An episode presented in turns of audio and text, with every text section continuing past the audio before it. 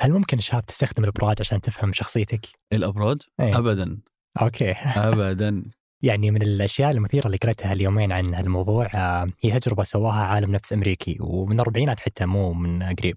آه، اللي سواه إنه كتب تحليل شخصية معين وأعطاه نفسه ل 39 من طلابه. وسألهم بعدها كم تقريبا نسبة دقة التحليل لشخصيتكم؟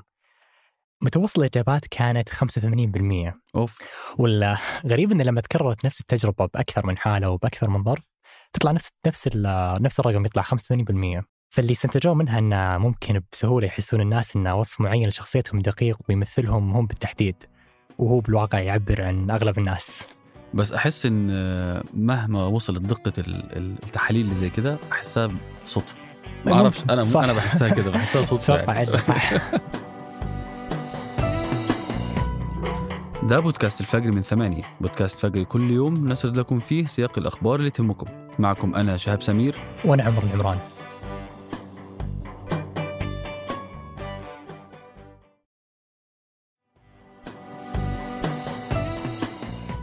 قبل أكثر من خمس سنوات من اليوم وفي يونيو 2017 أطلقت السعودية مشروع البحر الأحمر واللي هو أحد مبادرات التطوير السياحي عشان تستغل الشواطئ والموارد البحرية بالبحر الأحمر وتحولها لمناطق جذب سياحية عالمية. A place beyond imagination, beyond expectation.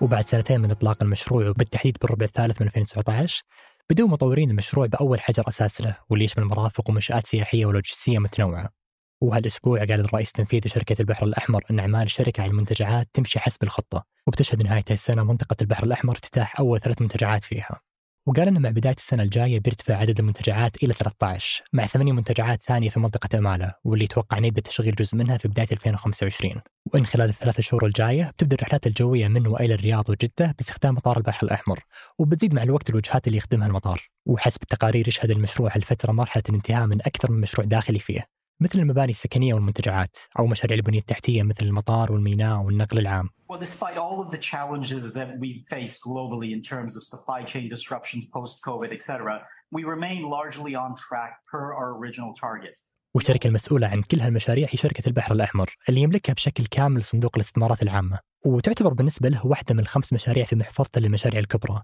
مع نيوم والدرعية وروشن والقدية وعشان تنفذ مختلف المشاريع الداخلية وقعت أكثر من 1300 عقد بقيمة 32 مليار ريال تقريبا 70% منها كانت للشركات السعودية وعموما المشروع عبارة عن وجهتين الأولى واللي هي وجهة البحر الأحمر توصل مساحتها ل 28 ألف كيلومتر مربع واللي هي أكبر من مساحات دول مثل رواندا والكويت ولبنان. وبتضم 80 جزيرة حولها رابع أكبر تجمع مرجاني بالعالم وأكثر من بركان خامد. وبوقت افتتاحها الكامل ب 2030 بيكون فيها أكثر من 60 فندق بأكثر من 8000 وحدة فندقية وتقريبا 1000 عقار سكني مع مطار خاص بالوجهة. لكن وقبل افتتاحها الكامل بسبع سنين بتبدأ استقبال أول زوارها نهاية السنة حسب تصريح الرئيس التنفيذي لشركة البحر الأحمر أما الوجهة الثانية بالمشروع أمانة فبتركز أكثر على أنشطة الصحة والرياضة والاستجمام.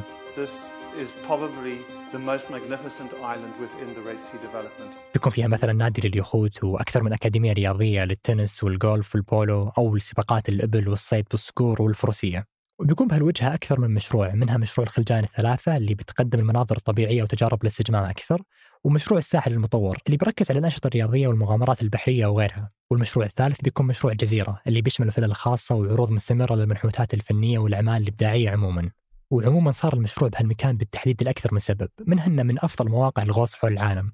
بسبب تنوع الحياة الفطرية فيه وورود الشعب المرجانية وغيرها بالإضافة لأن درجات حرارة مياه الساحل تعتبر مثالية للسياحة البحرية turtles, we had to place the villas 60 to 70 meters away from the coast. ولأن جزء كبير من المشروع مو بالبحر فيضيف قيمة بيئية تنوع الحياة الفطرية على أراضيه ووجود أنواع نادرة مثل الذئب العربي والنمر العربي وأنواع مختلفة من الطيور بيتبع المشروع بسببها عدد كبير من الضوابط البيئية مثل أنه يكون في سقف أعلى لعدد الزوار بكل منطقة وعموما يحاول المشروع بأكثر من طريقة أنه ما يضر البيئة خلال عمليات بنائه منها مثلا أنه بيطور أقل من 1% من إجمالي مساحة الموقع وبيترك أكثر من 75% من جزر المنطقة على طبيعتها بدون أي تطوير إنشائي عليها وأنه حتى بيعتمد على الطاقة المتجددة بنسبة 100% وكان من آخر تطورات المشروع اكتمال تركيب 400 لوح شمسي بتولد أكثر من 400 ميجا واط المشروع. وحسب خطة المشروع بتساهم كل هالضوابط بزيادة التنوع البيولوجي بمنطقة المشروع بأكثر من 30% وهالاهتمام بالبيئة ساعده بأن يجمع 14 مليار دولار من التمويل البيئي واللي هو التمويل على شكل قروض أو حتى منح وغيرها وتقدمه مختلف الجهات حول العالم اللي يكون هدفها أنها تحسن البيئة وتواجه مشاكلها. وعشان يستقطب أكبر عدد ممكن من الزوار بيكون الوصول له بأغلب الحالات ممكن من خلال تأشيرة على الإنترنت أو حتى بعد الوصول للمطار. وحسب وثائق المشروع بتخضع المنطقة اللي بيتطور عليها تشريعات وأنظمة مدنية وتجارية وبيئية مختلفة ومنفصلة. كلها تطويرات فيه بتخليه بعد ما يكتمل يضيف 22 مليار للناتج المحلي وتكون لأحد أكبر المساهمات بتحقيق هدف الوصول ل 100 مليون زائر ب 2030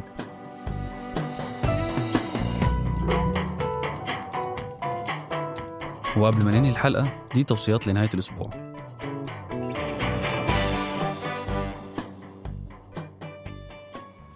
There was no rationale. You go where the story leads you.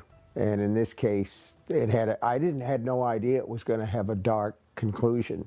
You know, في كتابه On Writing بيحكي لنا الكاتب والروائي ستيفن كينج عن سيرته الذاتية وقصته بداية من محاولاته الأولى للكتابة واللي كان بيعلق رسائل رفضها بغرفته إلى المرحلة اللي كان فيها بيشتغل في المغسلة وبيكتب في نفس الوقت ثم قصة كتابته لرواية Carrie اللي باعت أكتر من 400 ألف دولار بعد نشرها وكانت نقطة تحول ليه بالإضافة لباقي تفاصيل ومحطات حياته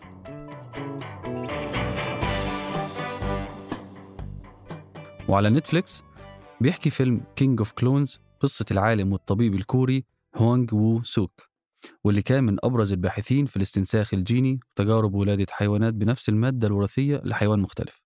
وبيعرض الفيلم قصة صعوده واهتمام العالم فيه واعتقادهم أن علاج الشلل ممكن يكون من خلال أبحاثه. وبعدها اكتشاف أكثر من تزوير هو عمله في تجاربه ثم محاولته العودة لنفس المجال بعدها.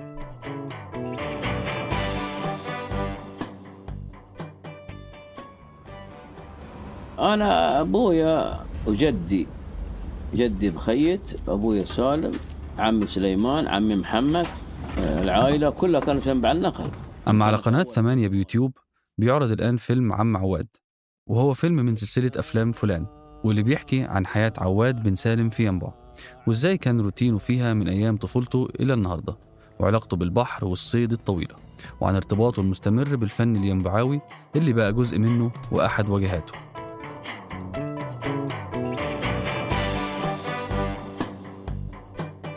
أنت أرسل هذه الحلقة أنا عمر العمران وتركي البلوشي وقدمتها أنا عمر. وأنا شهاب سمير. وحررها جميع عبد الأحد. نشوفكم فترة الأحد.